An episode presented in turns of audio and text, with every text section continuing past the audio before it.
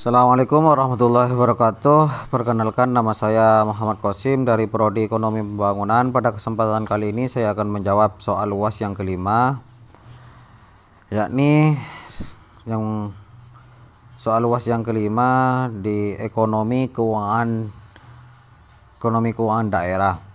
Yang pertama, dana alokasi usaha merupakan sejumlah dana yang dialokasikan oleh pemerintah pusat kepada masing-masing daerah otonom yang terdiri dari provinsi, kabupaten atau kota di Indonesia yang diselenggarakan setiap tahun yang digunakan sebagai dana pembangunan. Yang kedua, dana alokasi umum ini adalah salah satu bagian belanja untuk daerah otonom dari anggaran pendapatan dan belanja daerah APBN dan menjadi bagian dari pendapatan di anggaran pendapatan dan belanja daerah APBN.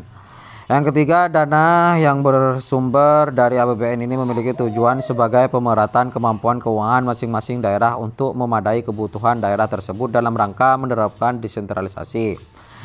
Yang keempat, tujuan dan kategori dana alokasi umum. Yang kelima, sebagai salah satu jenis dan dana perimbangan, dana alokasi umum ini memiliki beberapa tujuan antara lain sebagai berikut. Dana alokasi umum ini memiliki tujuan sebagai pemerataan kemampuan keuangan di setiap daerah untuk memadai berbagai kebutuhan dan dari daerah-daerah tersebut untuk mengurangi ketimpangan sumber pendanaan pemerintah pusat dengan pemerintah pusat dan da, dan dari pemerintah pusat ke pemerintah daerah yang semuanya diatur dalam Undang-Undang 33 Garing tahun 2004.